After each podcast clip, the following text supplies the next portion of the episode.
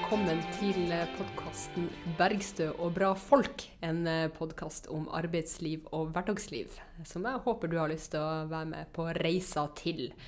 Jeg heter eh, Kirsti Bergstad, eh, og jeg er nestleder i eh, SV, sosialarbeider av yrke, og finnmarking. Og med meg har jeg ingen ringere enn Ingrid Wergeland. Jeg er kommunikasjonssjef i Manifest Tankesmie. Eh, sosiolog av yrke. Eh, og eh, kommer fra Lysaker rett ved Oslo. Hva er Manifest tankesmie? Tre ord om det. Manifest tankesmie er venstresidas tankesmie, finansiert av fagbevegelsen og noen enkeltpersoner som har lyst til å støtte dette venstresideprosjektet. Fritt fram å gjøre det, altså? Men jeg er også SV-medlem, da. Må være lov å si. Ja, klart. Men Kirsti, Bergstø og bra folk, en podkast om arbeidsliv og hverdagsliv. Hvorfor syns du norsk offentlighet trenger en podkast om dette temaet? Det er jo fordi det prates mye i offentligheten, men man må prate om eh, de tingene som er de viktigste. Eh, og dem som har med makt å gjøre. Eh, og da må man snakke om arbeidsliv. og så er det jo sånn at det viktigste i politikken også bør være det viktigste i livet. Og Eh, da eh, Nei, omvendt blir det vel. Det viktigste i livet også bør være det viktigste i politikken. Eh, og da må man jo eh, gå litt i dybde av og til eh, på eh, spørsmål rundt arbeidsliv, velferd, bolig, fordeling Eh, det som betyr noe. Og særlig det som, som, handler om arbeidsliv, er jo viktig. fordi når du hører høyresida prate altså det, det, foregår en kamp om arbeidsliv, om forståelsen av hva det er for noe. Eh, hva er utviklingstrekkene, hvilken retning går arbeidslivet? Eh, og høyresida har jo mange flotte ord om frihet, fleksibilitet osv. Og, så og da må man jo alltid spørre for hvem. Eh, hvem er frihet og fleksibilitet for eh, når de endrer arbeidsmiljølov, angriper opparbeida rettigheter og snakker om arbeidslivet som det er noe helt annet enn det noen gang har vært før? Eh, når de sier at vi alle går rundt og er vår egen sjef med mobilen i lomma, og eh, det moderne arbeidslivet må ha moderne lovverket, liksom slagordet, så eh, er det som om det ikke er noen som åpner butikkene. Som om det er noen som ikke rengjør gulvene. Som det er noen som ikke løfter opp ungene våre i barnehagene, eller kjører ut varer eh, på, eh, til lokalsamfunn. Eh, og, og, det er jo eh, det jeg syns er viktig, å mm. snakke om arbeidslivet sånn som det faktisk er i livet våre, og ikke sånn som det er på Høyres papir. Fordi det, det er jeg veldig enig i, i hvordan høyresiden snakker om det. Men vi har jo også liksom en sånn større medieoffentligheten. Så syns jeg at det er en jeg tenker at det er sånn tre forskjellige måter man snakker om eh, arbeidslivet på. Den ene fortellingen er en sånn veldig abstrakt, eh, litt sånn rosenrød eh, beskrivelse. Mm. Som er sånn norsk arbeidsliv er et sted med små hierarkier mellom sjef og ansatte, høy grad av tillit. Eh, de ansatte er involvert i organisering av arbeidslivet. Det er høy grad av medbestemmelse. Og at, at ja, det er høy organiseringsgrad. Og, og vi snakker om, det snakkes om den norske modellen, som er veldig sånn Hele den beskrivelsen ligner veldig på sånn man snakker om det sikkert på ja, statsvitenskap på Blindern, mm. eller på store konferanser om, om arbeidslivet, eller i Litt diffust, kanskje? Hva sier du? Litt diffust, kanskje? Ja, veldig abstrakt. Veldig sånn langt fra hvordan folk opplever det på, på gulvet, tenker jeg. Men, eh, men, også i sånne utredninger, eh, ja, tale fra eh, politikere, da kanskje særlig ja, mer på høyresiden. Eh, det, er liksom, det er en fortelling. Og så er det en annen fortelling som er mye mye mer dramatisk, som vi får i pressen. I mm. nyhetsoppslag om uh, mafia-lignende tilstander i byggebransjen, om uh, sosial dumping osv. Og, så og så er det en sånn tredje fortelling da, som er litt sånn uh, mediene gjerne forteller, som er veldig sånn forbrukerorientert. Som er sånn derre uh, Sånn får du drømmejobben. Slik skriver du en glimrende CV. Eller slik får du høyere lønn. Og da er det veldig sjelden at man skriver at man skal bli med i en fagforening. Da er det jo mer sånn uh, Ta opp dine individuelle forhandlinger med, med sjefen osv. Som er Og de fortellingene der er jo veldig sånn ja, individorienterte og altså verste eksempelet på, på en, eller, av nyere tid, da, som var en artikkel jeg så i, i VG, mm. eh, som var eh, 'Slik takler du stress på jobben'. Eh, ja vel. Og det er jo det er jo noe mange kan kjenne seg Så igjen i. fem, fempunktsliste, kanskje? Slik, Ja, takk. ja. Det som var, eh, det som var liksom en av de mest virkelighetsfjerne artiklene jeg har eh, sett. For der var det, det handlet om altså Hovedpersonen i saken da, var en dame som hadde fått seg psykolog. Eh, eh, Betalt av arbeidsgiver, da. For Ja. var så stressa på jobb. Og det handlet om sånn Hvordan legger du opp arbeidsoppgavene dine? Tar du nok pauser? Og så videre. Altså, det var ingenting som handlet om hvor mange jobber det egentlig i den barnehagen du jobber i? Eller hvordan er bemanningen på sykehjemmet du er på? Eller hvor mange kvadratmeter må du vaske i løpet av en dag?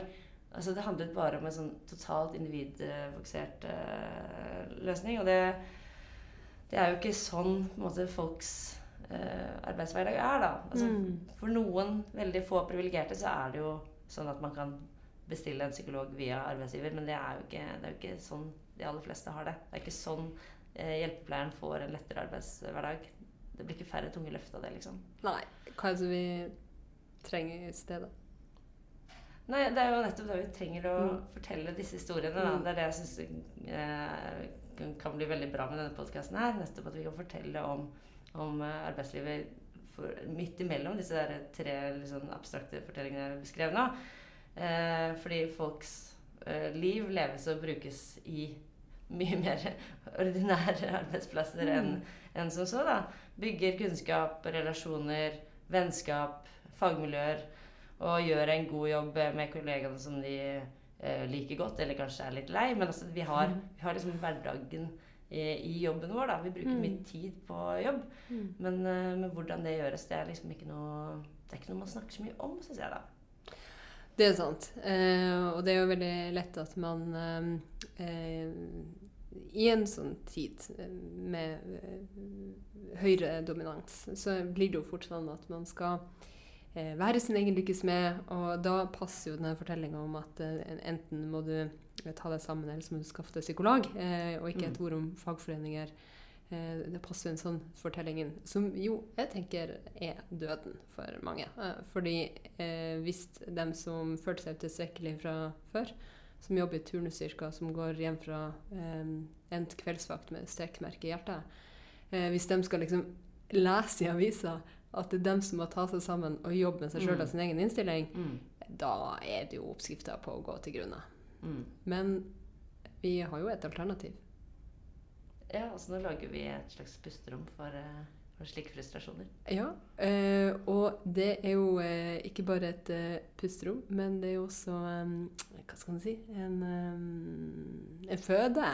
Eh, fordi det er jo ikke bare vi som skal sitte her og prate, eh, men dem som gjør jobben eh, med å endre arbeidslivet i praksis. Med å ta kampen om hvordan eh, arbeidsdagen og hverdagen eh, skal se ut eh, der de er. Eh, lokale tillitsvalgte eh, og dem som eh, som møter kanskje kollegaer med den aller største kjærlighet man kan bli møtt. Nemlig et fellesskap som står opp for deg. Og en sånn gjest får vi i dag.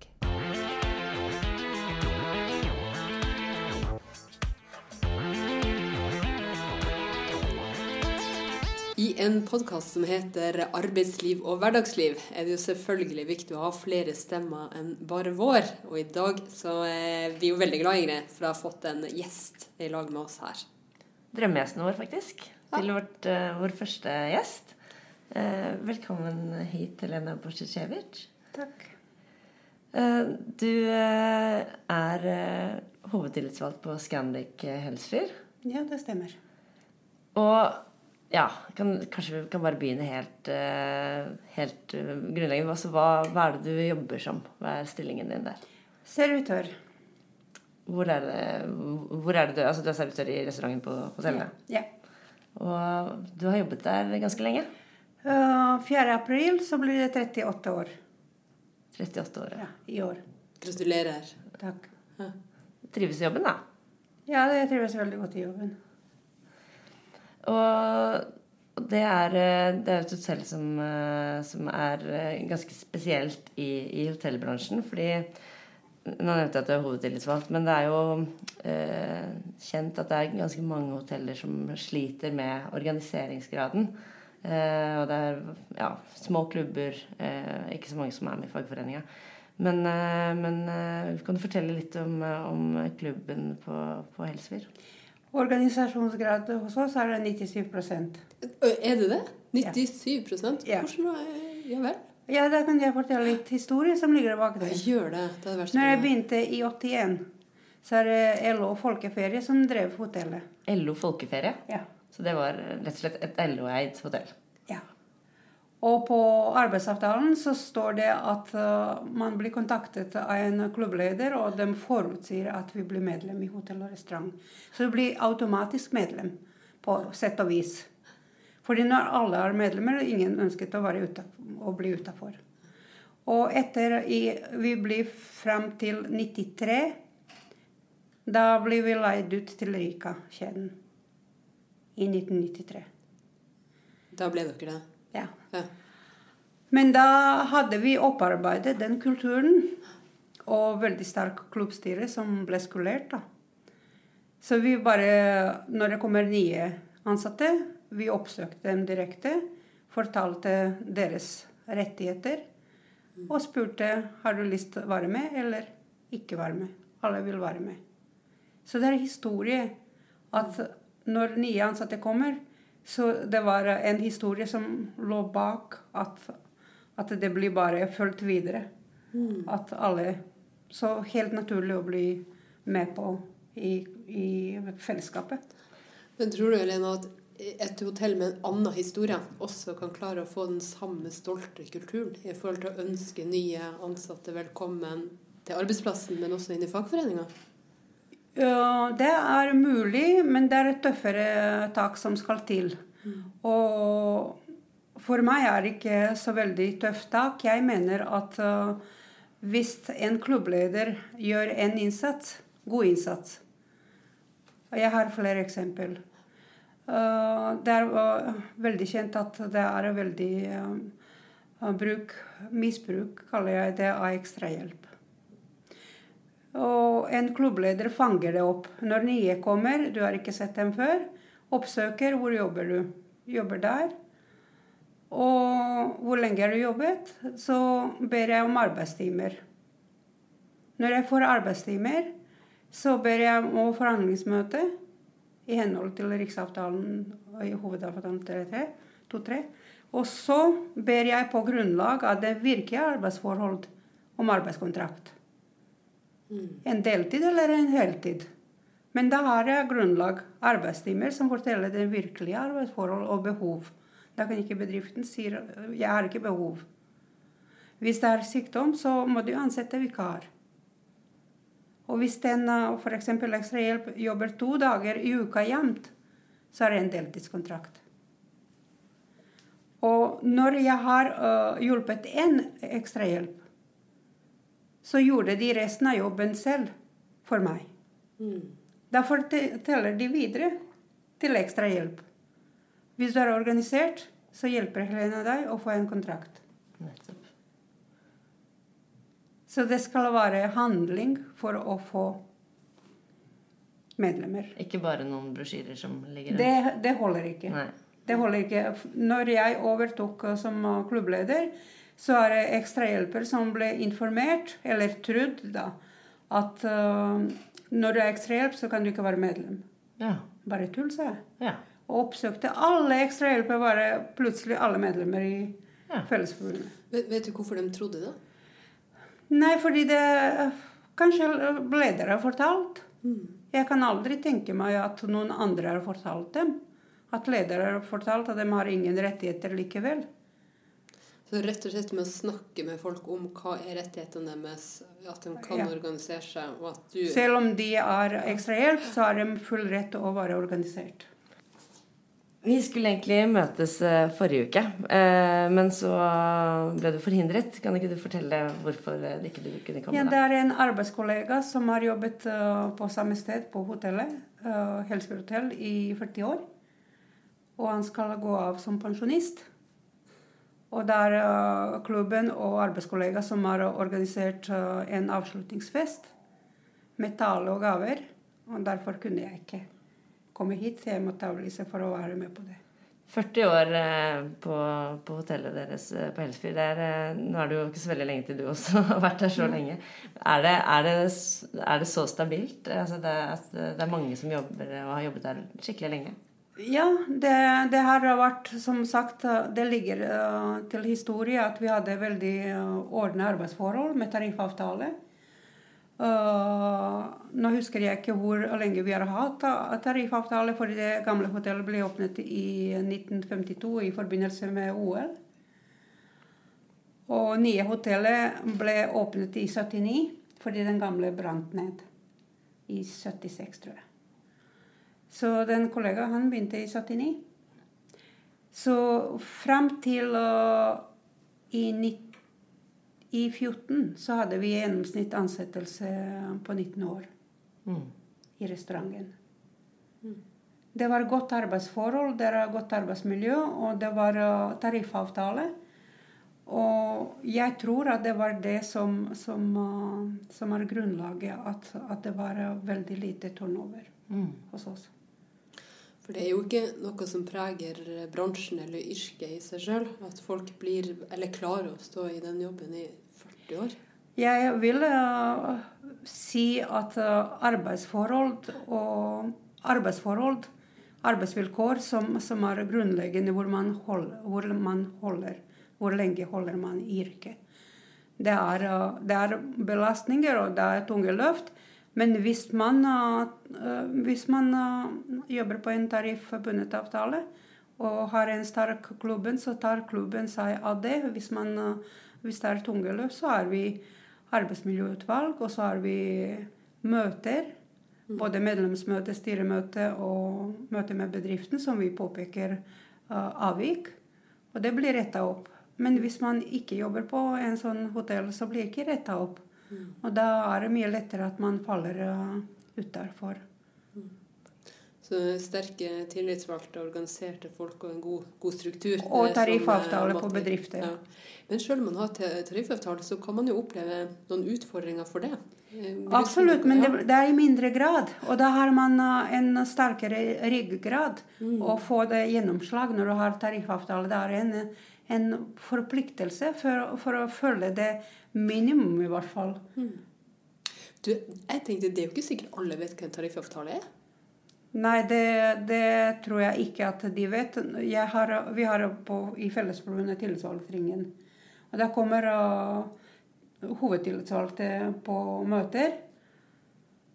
Og de står helt sånn. Mm. De vet ikke hvilken boka de skal finne paragrafer.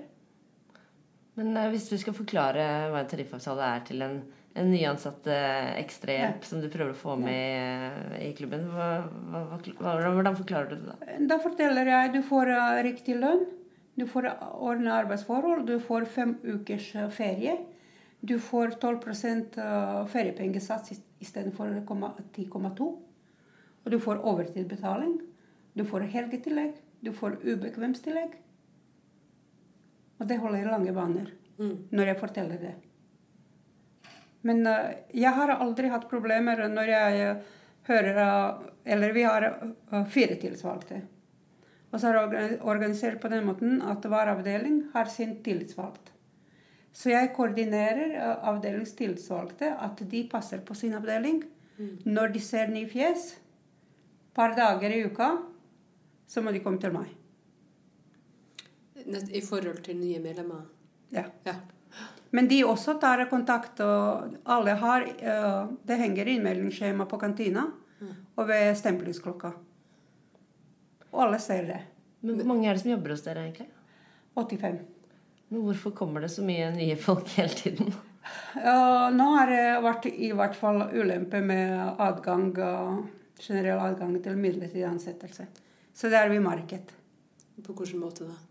At det er blitt flere ekstra hjelp når noen er syke. Før er de ansatt vikarer. Langtidssyke. Nå tar de vikarer. Og så Nei, ekstrahjelp, mener jeg. Hvis de tar en vikar, så den vikar må slavisk følge rullerende vaktlista. Om det er lite å gjøre eller mye å gjøre. Men da kan de slippe unna. ikke sant? Hvis det er stille en mandag, da kommer ikke ekstrahjelp på den runden som vedkommende eller medlem er syk. Så det er veldig mye, uh, veldig mye misbruk av det.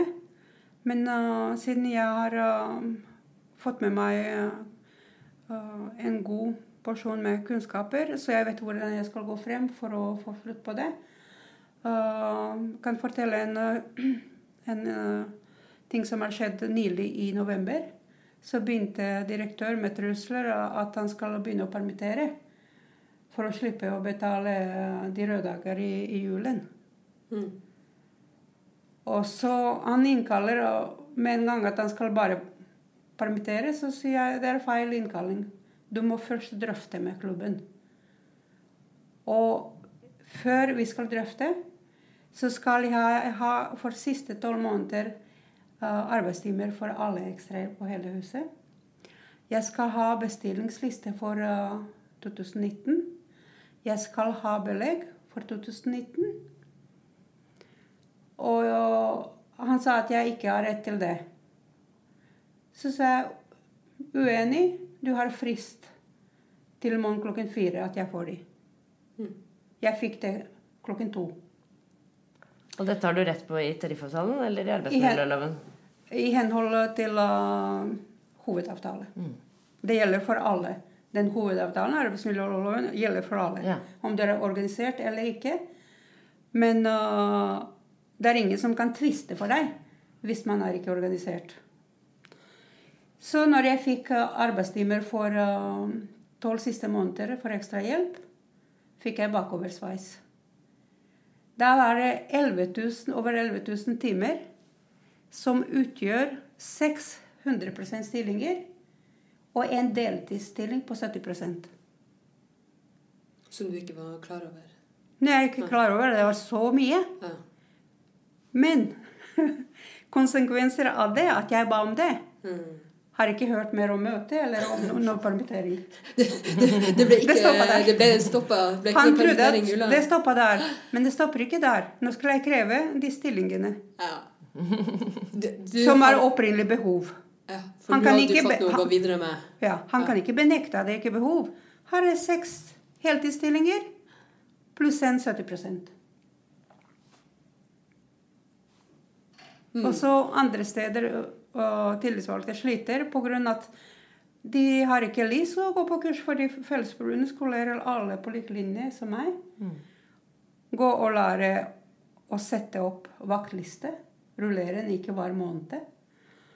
Rullerende betyr at du går Hvis det er seks personer, rullerer du på seks uker. Når du kommer til seks uker, så går du på uke én, og så kan du planlegge ditt privatliv ett år fremover. Mm. Og det er NHO imot, men de kommer ikke langt med det. Fordi vi har like mye rett som arbeidsgiver. Det er bare la seg ikke pinne, vippe av pinnen. Mm. Og så når vi er på sånne tillitsvalgtringen, de vet ikke hvordan de skal sette opp vaktliste. De vet ikke de, Når det er stille, f.eks., mange andre steder, kommer uh, uh, arbeidsgiver og bare stryker deg fra lista, for det er litt å gjøre. Mm. Og hvis man ikke vet bedre, så går de hjem. Jeg hadde en omgang med Eller en forhandlingsmøte med alle tillitsvalgte til stede. Vi hadde en SARA-avtale fra LO-tid at uh, femte ferieuka avvikles i forbindelse med jul- og påskestengning. Og den avtalen er gjensidig eh, en måneds oppsigelse av begge parter. Den oppsigelsen er ikke sagt opp. Og så har jeg plutselig uh, fått beskjed, de ansatte kom til meg, at de skal åpent i jula. Så sier jeg nei. Han har ikke sagt opp den oppsigelse, den særavtalen. Og så tar jeg samtale med sjefen, og så sier han ja, det, der står ikke at det er stengt. Nei, det, det, gjør ikke det. Men klarer du å være på ferie samtidig og være på jobb? Godt spørsmål. Ja, ja klarer du det? Nei, og da, da begynner han å, å, frem og tilbake, at de får ikke betalt og bla, bla, bla. Og der er vaktlista. De som står på vaktlista, de røde dager, det er ikke noe diskusjon. Det står paragrafen 2-7. I forbindelse med jul og påske, hvis de gis fri, så skal vi ikke trekkes i lønn. Det er ikke noe å diskutere. Jeg ba, bare medlemmer følger med i timen. Hvis dere ikke får betalt, så bare sender jeg krav for etterbetaling. Alle fikk betalt. Mm. Helene, jeg tror mye hadde vært annerledes i arbeidslivet hvis alle hadde hatt så sterke tillitsvalgte som nå, med så mange medlemmer i ryggen. Eh, det... Men jeg brenner for saken. Jeg brenner for saken, og så har jeg hele tiden gravd meg, og kunnskap er nummer én. Det er beste våpen som man har, og redskap. At du, at du vet hva du kan. Hvis du ikke kan Mange spør meg hvordan kan man si opp vaktliste som uh, ikke duger. Det er to måneders oppsigelsestid. Andre steder kommer de og bytter vaktlista som passer dem og hver måned skriver. Og det, hvis klubben finner seg i det, så får ikke medlemmer gjort så veldig mye med. Men uh, de har prøvd hos oss også. Kommet med nye vaktlister. Da sier jeg til medlemmer jeg kan ikke gå på jobb istedenfor dere. Mm. Men hvis dere ikke følger den vaktlista, så splitter dere klubben. Nettopp. Ja. Og hvis de sier til dere at dere skal gå hjem, så bør de skrive det. Du skal gå hjem pga. det, og hans signatur. Det har aldri skjedd. Det har aldri skjedd? Nei, de bare babler, men de skriver ikke. Så, så ditt, ditt, fremste råd til andre tillitsvalgte, det er Skolering nummer én. Mm. Å stå på de, disse rettighetene. Det hjelper ikke at vi har rullerende vaktliste hvis medlemmer ikke Hvis de blir vettaskremt og ikke tør å følge. Jeg kom på jobb en dag. De fortalte til meg at uh, kjøkkensjef har kommet med trusler. Og de, ikke, de skal ikke fe, få ferie hvis de ikke følger en vaktliste som er skrevet i forbindelse med ferieavvikling. Og det skal settes opp i samråd med meg. Det er ikke bare å sette opp som det passer han. Og når jeg så den oppsatten, så er han uh, nedbemannet 25% Ingen på oppvask tre dager i uka, og vi har åpent. Hva er dette? Og der har han tenkt at kokken skal vaske. Nei, kokken har ikke adgang eh, på oppvasken pga. Mattilsynets krav hygiene. Og da kontaktet jeg Mattilsynet, fikk utskrift og bare sendte videre til ledelse. Vær så god, les. Det blir ikke noe oppvask for kokker. Du, du, har jo vært tillitsvalgt i, i 20 år omtrent. Ja. Um, og du sier du brenner, brenner for, for, saken, men, men, hva var det som motiverte deg til å bli tillitsvalgt i utgangspunktet? Uh, rettferdighet. At det skal være rettferdig for alle. At alle skal ha lik lønn for likt arbeid. Og at alle skal ha antall uh, siste vakter, antall første vakter, uh, antall fridager i løpet av en måned at alle skal få likt behandling. Rett og slett rettferdighet. Og hjelpe uh, de som er svake i samfunnet. Jeg mener jeg har kjempeerfaring. Uh, hvem som er mest sårbare i arbeidslivet, det er innvandrere. Kan du si litt om det? Det er ingen som hadde uh, en uh, midlertidig kontrakt av en nordmann. Det er kun innvandrere som har dårlige arbeidskontrakter. Nå Nylig var det en som har oppsøkt meg i november. Han har jobbet, stakkar gått på skolen, men nå er han ferdig med skolen. Åtte år eh, som uh, ekstrahjelp. Men han har ikke kontaktet meg før. Han jobbet som skoleelev, og da regnet jeg med at han har i hvert fall har fått deltidskontrakt. Han jobber minst to dager i uka. Og når han kontaktet meg Nei, det, det er ansatt, ansettelsesstopp og greier. Og da ba jeg om arbeidstimer for siste tolv måneder. Tok uh, forhandlingsmøte etter 17.3. Og han ville ikke bøye seg. Nei vel. Da sendte jeg bare til Fellesforbundet, og de sendte videre til nemnda. Og nå tror jeg at saken er ganske klart. I fjor hadde jeg samme situasjon av en stupike fra Filippinene. Hun har også jobbet syv år som ekstrahjelp kontaktet meg. Samme svar nei. Og så sendte jeg til Fellesforbundet etter åtte uker. Løp han etter meg, for han har fått frist til klokken fire, eller går det til arbeidsrett? Han hadde ikke tid med sånn tull. Han må, har masse å gjøre, så jeg har fortalt deg for, tre, for uh, to måneder siden akkurat samme, men da hadde du ikke samme tanken som nå. Og nå har ikke jeg tid, sa jeg. Bare drøyet, og så kontaktet jeg Fellesforbundet. Og han løp etter meg at, uh, å signere avtale om forlik. For det første så, så jeg skal lese den avtalen, hva du har skrevet. Så skannet jeg til Fellesforbundet, jeg hadde ikke tid. Kan dere lese gjennom? Og så skrev jeg bemerkninger av hva han skrevet. Først hun, De er villige å gi henne deltidskontrakt. Og så skrev jeg 'og vaktliste i henhold til det'. Den skal legges til. Og så, Han måtte sende før fire, men jeg drøyet helt til halv fire for å få mest mulig ut av situasjonen, for å presse han ytterst. Hun fikk arbeidskontrakt. Og når hun fikk det, så sa jeg det er fint at vi slapp utgifter. Så jeg, håper at du husker det neste gang. Han gjorde ikke det. Det skjedde akkurat nå i november. Han ga ikke. Han har ikke myndighet fra hovedkontoret. Det er greit. Da koster det penger. Sånn gjør jeg det. Når de sier nei, jeg gidder ikke diskutere. Jeg bare henviser til loven at det er ikke lov å ha noe midlertidig ansatt uh, lenger enn fire år. Hvis man har jobbet over fire år, så regnes man som fast ansatt. Og da skal man ha kontrakt i henhold til det. Og hvis han sier nei til det, så henviser jeg bare brudd på 14.9 og 17.3, og så sender jeg til forbundet. Så blir det kontrakt i løpet av i hvert fall åtte-ni uker. Og bakliste. Mm. Du, eh, du, kan jo utrolig mye om, eh, om disse ja, arbeidsmiljøloven, tariffavtalen, ja. hovedavtalen og hva du gjør i enhver situasjon. Men, men, i tillegg til å være hovedtillitsvalgt, så, så jobber du jo også som, som servitør. Ja. Kan du fortelle om, eh, om, vaktene dine når de begynner, eh, hva du gjør? Ja, når jeg kommer på, jak, på, på vakt, så selvfølgelig man uh, sjekker bestillinger, hva som er bestilt. Og så sjekker man med kjøkkenet om vi har alt sammen i henhold til uh, meny som vi har. Men når begynner vaktene dine? Uh, vi jobber forskjellig da. Nå har jeg fått åtte vakter i måneden til rettelagt arbeid. Jeg jobber på frokosten åtte dager i måneden. Og så jobber jeg fire vakter om kvelden. Hvis jeg begynner på frokost, så begynner jeg klokken fem om morgenen til fem over halv ett. Uh, hvis jeg begynner uh, siste vakt, så begynner jeg halv fire til fem over elleve. Det er 35 uker, 35 halv vi har.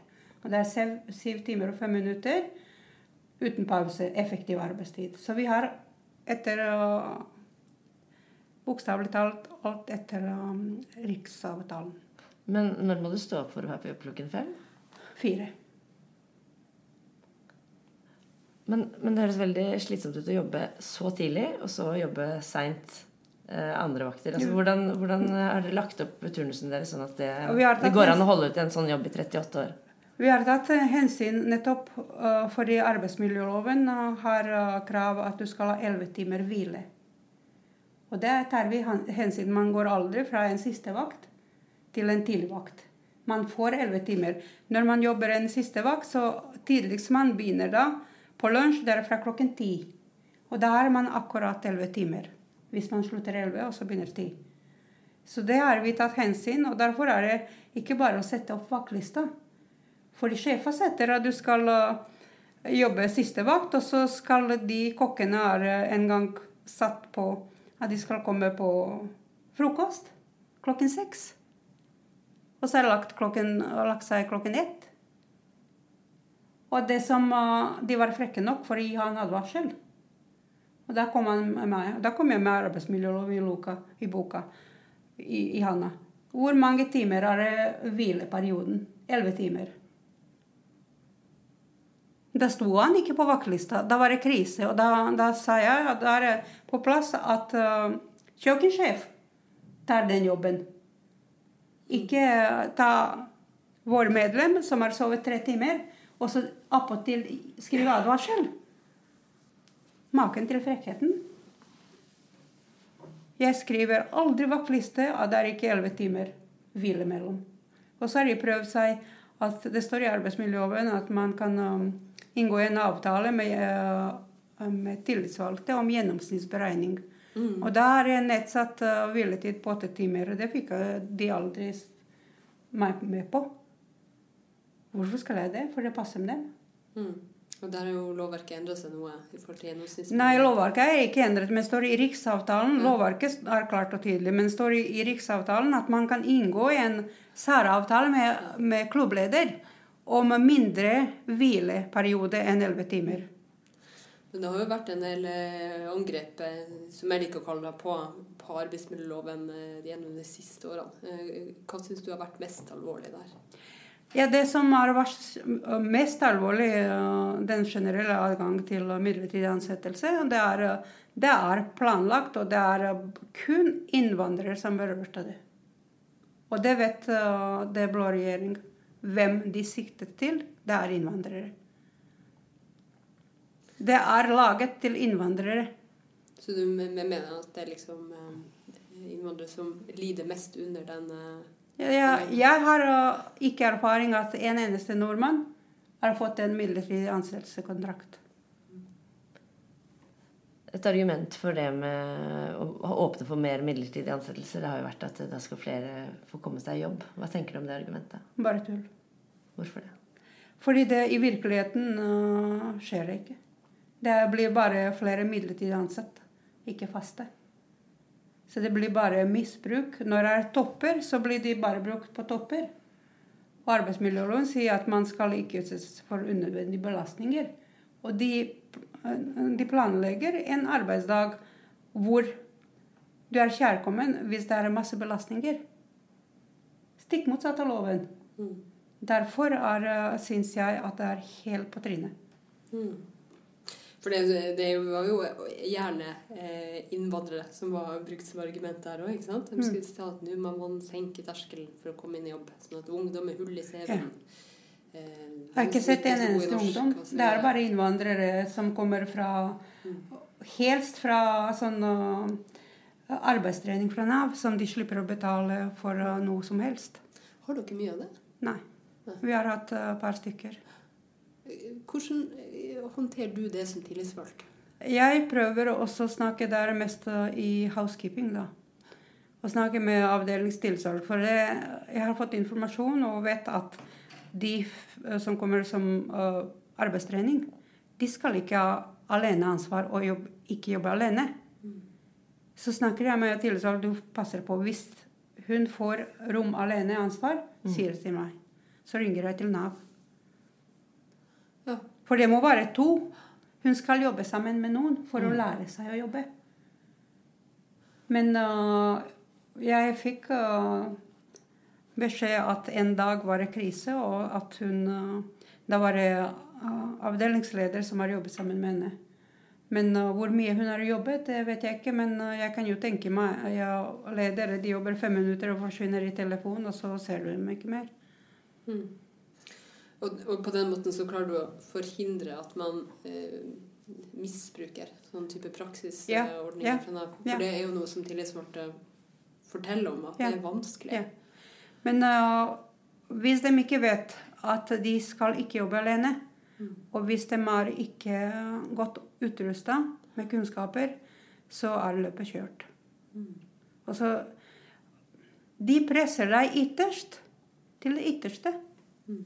Altså, jeg hadde den møtet som jeg fortalte at jeg krevde uh, for hans medlem som hadde ekstra ekstrakontrakt i syv år. Og så begynte han å metall og sånne ting. Så sa jeg da må du ta en annen møte. Og jeg ba om SAR-møte, og det betyr at han skal gå ut. Og så ble han sur. Hvorfor? Så jeg må snakke litt med LO-advokat. Og da kom han ut gjennom døra, og da smalt han døra at kaffekopper rant ned. Mm. Da tok jeg meg særmøte og snakket med Fellesforbundet, og de bare sa bare skrive UNEs protokoll, ikke snakk mer med han. Så har jeg sagt at hvis du skal vise tall og budsjett, så hører det ikke hjemme på det møtet. Jeg er innkalt til møtet, og det står på innkallinga vi skal snakke om. Hvis du skal snakke om noe annet, så må du innkalle til dette møtet. Men på det møtet er jeg som bestemmer. Nå har du fortalt utrolig mye interessant og bra om, om arbeid som, som, tillitsvalgt, og hva man kan gjøre på sin egen arbeidsplass. Eh, men eh, hva tenker du bør gjøres politisk? Endre arbeidsmiljøloven, at eh, den er like sterk som en gang før. Uten lovverket så har vi ikke mulighet. Men dere har jo en tariffavtale. Hvorfor tenker du at lovverket også må være på plass? Ja, fordi i tariffavtalen står det ikke noe om uh, arbeidskontrakter. Det er arbeidsmiljøloven som bestemmer. Og Derfor er det veldig viktig. Det er selve kjernen for arbeidsliv, arbeidskontrakt. Og, hvis, og når den er svekket, så er det ikke mye å gå på. Når det er adgang til generelt adgang til midlertidig ansettelse, så er det så svekket at du har ikke noe å bygge på.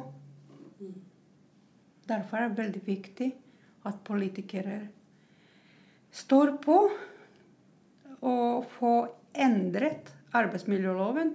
At det er ikke adgang, generell adgang til midlertidig ansettelse. Pluss den uh, vikarbyrådirektivet som, uh, som, vi har kjørt oss uh, for mange år siden, og fikk eneste medhold av SP og SV.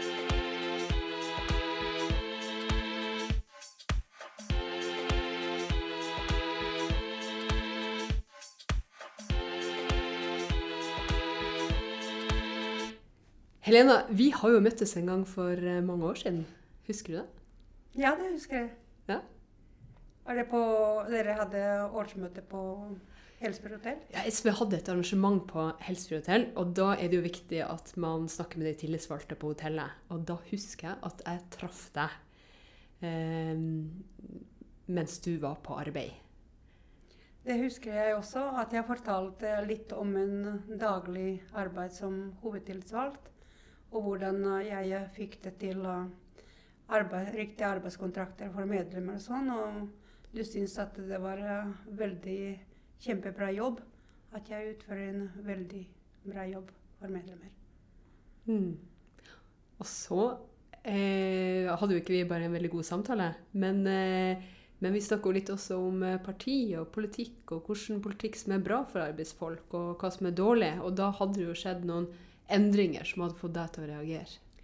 Ja, det var uh, på høring, eller det var flere som uh, Eller det var ikke flere som var for uh, vikarbyrå og var det Vikarbyrådirektivet? Vikarbyrådirektivet. Og da var jeg veldig sint på det. Ja. Fordi som uh, tillitsvalgt følte jeg at det ville følt veldig mye sosial dumping mm. og utnyttelse av innvandreres arbeidskraft. På det tidspunktet jeg var medlem i Arbeidspartiet. Mm. Og jeg ble veldig skuffet når Arbeidspartiet ga sin velsignelse til uh, Arna for å få det gjennomført. Og da husker jeg at, uh, at uh, like etter det så meldte jeg meg ut i protest fra Ap og meldte meg i SV. Fordi vi fikk støtt av Senterpartiet og SV. Mm. Jeg er veldig glad for at du ble med i SV, og så er jeg veldig glad for at du skal stille til valg til høsten også. Ja, det er jeg også veldig glad for. Og jeg mener selv at jeg kan bidra veldig mye til SV. Mm. Fra min uh, arbeidserfaring og som tillitsvalgt, og at jeg kommer fra rent arbeidsparti og solidarisk uh, familie. Og at du hadde et langt liv der du har stått opp for arbeidsfolk og vært tillitsvalgt uh, med, med, mot uh, og kunnskap. Ja, og kjempet for rettferdighet. Mm. At alle skal ha like arbeidsvilkår, vilkår, like lønn og like arbeidsavtale.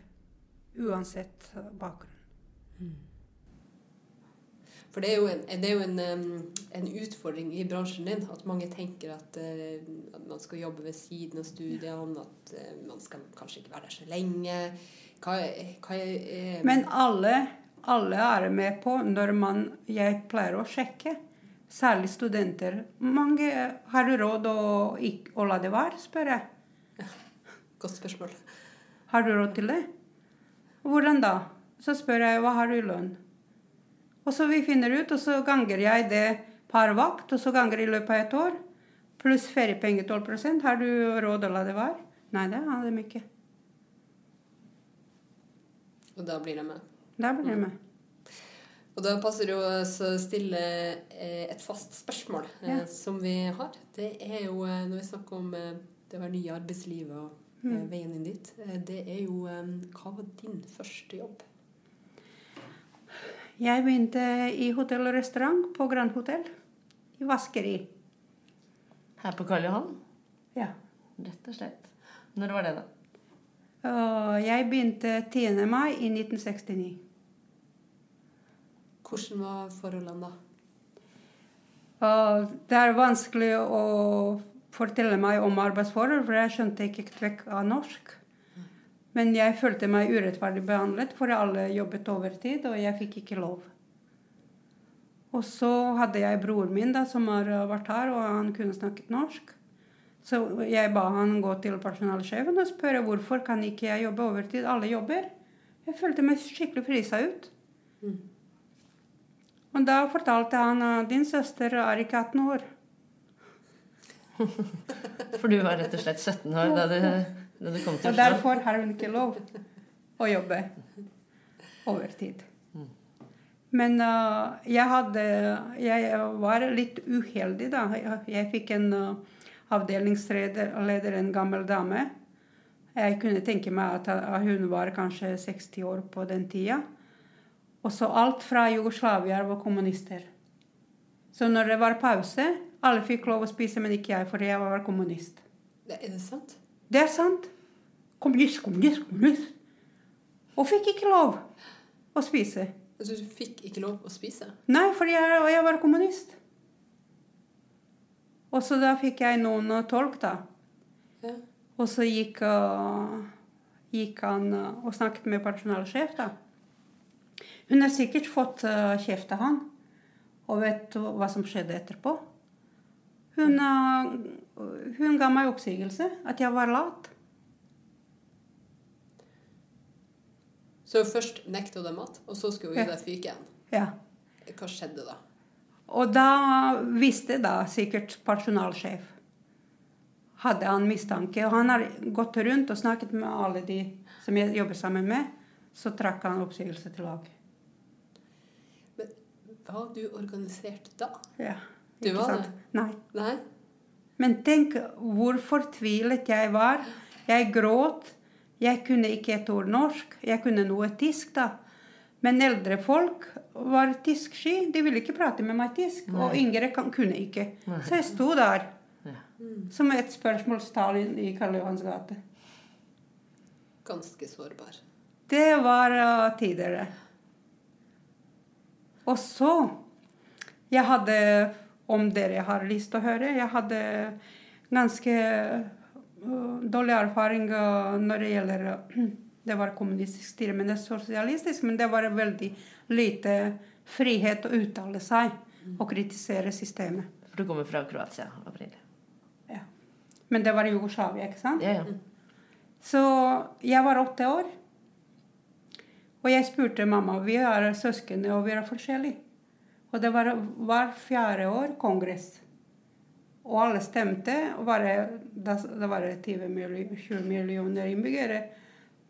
Og så jeg følte meg som åtteåring si til mamma vi er så forskjellige som søsken og forskjellige. Hvor- Hvordan er det 20 millioner enige og stemmer på en mann? Jeg skjønte at det må være noe galt. Men det var et partisystem. Jeg skjønte ikke det. Da var du åtte år? Ja. Og Og sa mamma hysj og hysj. Ja. Jeg har ikke lov å prate om det. Og jeg syns at det var veldig dårlig at jeg ikke kunne kritisere og fortelle sannheten. Så når min bror dro til Norge, så reiste jeg til Norge. Og så må jeg fortelle, når jeg har vært i Norge en del år, så begynte de med kommunevalg. Og så bodde jeg utenbys på Ås. Da jobbet også på Ås hotell. Og da var det noen kjøpmann som jeg handlet for. Han var Frp. Og jeg visste ikke var helt blank hva jeg skulle stemme for. Vi, vi hadde ikke noe flere parti. hvem parti er riktig for meg. Men det var én ting som uh, Jeg skal ikke stemme på noe som er rødt. Og forsikre meg at det er ikke rødt. Og så sier han Frp meg da er vi riktig parti. Og heldigvis sier jeg i dag at jeg hadde ikke stemmerett. Jeg vil aldri tillit meg i mitt liv hvis de har noen gang fått stemme av meg. Fordi det å være rød var noe helt annet i Norge? Ja. Ja. Og så spør folk meg hvordan har du kommet fram til hva du skal stemme på. Jeg har fulgt med debatt, jeg har fulgt med forskjellige ting på TV. Og har hørt hvilket uh, program har SV, hvilket Arbeidsparti, hvilket Høyre og Frp. Og da frøs jeg mer og mer for hver dag når jeg hører hvilket program Frp har, og hva de gjør. Så sånn fant jeg ut hva er det mest riktig for meg. Men jeg hadde ikke noe Jeg har modnet og fant meg uh, sånn politisk i Norge. Jeg hadde ikke noe formeninger når jeg kom til Norge politisk i hele tatt. Og jeg husker jeg hadde um, en venn på 70-tallet, tidlig på 80-tallet. Han var SV. Og hans foreldre var imot SV, de var eh, Senterpartiet da. Og de eh, syntes at jeg var veldig eh, fin, da, fordi de fikk medhold av meg. da. Fordi alt som er rødt, er gærent. og jeg husker, husker at han fortalte at jeg må prøve å finne ut uh, hvor jeg hører hjemme.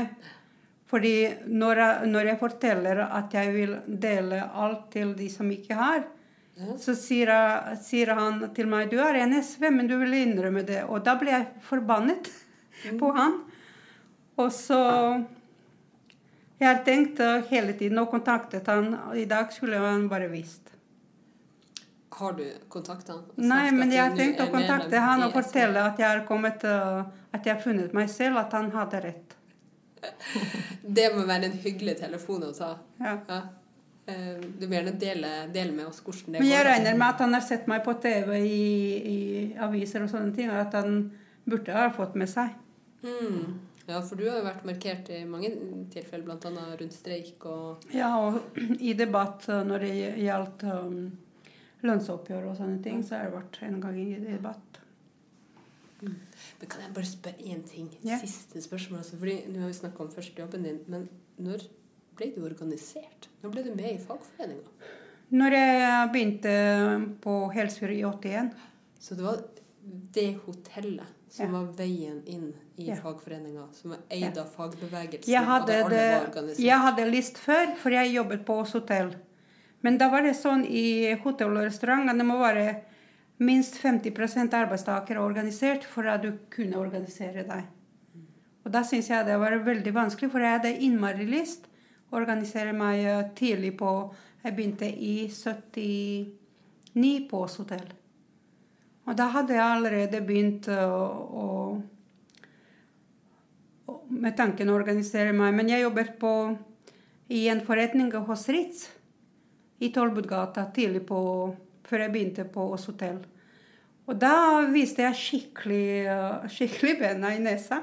Fordi det var, en, eh, det var Ritz som hadde det forretning. Og det var iskald i butikken.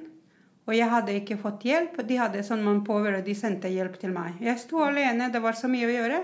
Og så ringte jeg til personalsjef, og han sa til meg at eh, han har ringt til Manpower, og det var ikke noe ledig. Men jeg var ikke snauere enn som så, så jeg ringte til meg på over og spurte om de hadde fått telefon og forespørsel om eh, hjelp til, uh, til Tollbudgata. Nei da. Og da, vet du, da var jeg så tøff. Jeg var ikke organisert. Da, da var jeg så tøff, og jeg sa til han Da gikk jeg uh, Skrev lappen, stengt pga. sykdom, stengte butikken, leverte nøkler av butikken i hovedkontoret hos en uh, voksen dame.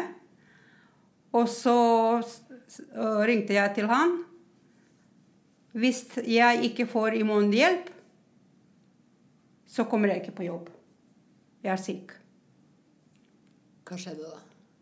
Når jeg kom neste dag, eh, jeg skal åpne butikken klokken syv, så står både bakevarer foran og en dame fra Manpower og venter på meg. Ta ingen skitt, Det nytter. Ja. Men jeg var ikke organisert. Men da var jeg sammen med han Ole Kristian, da, som var SV. Ja. Og han ringte dit og presenterte seg som vanlig kunde. Og ringte til og med en gang Søstera hans fortalte til meg at han tok en spansk en og fortalte at uh, han er tilfeldigvis fra Arbeidstilsynet og kjøpte boller og sånne. Det var uh, kritiske verdige arbeidsforhold. Og de, de, ville bli anmeldt. Så plutselig kommer varme ovner uten at jeg visste hvorfor. Og så søstera til Ole Kristin fortalte han har ringt til Ritz. og skremte dem.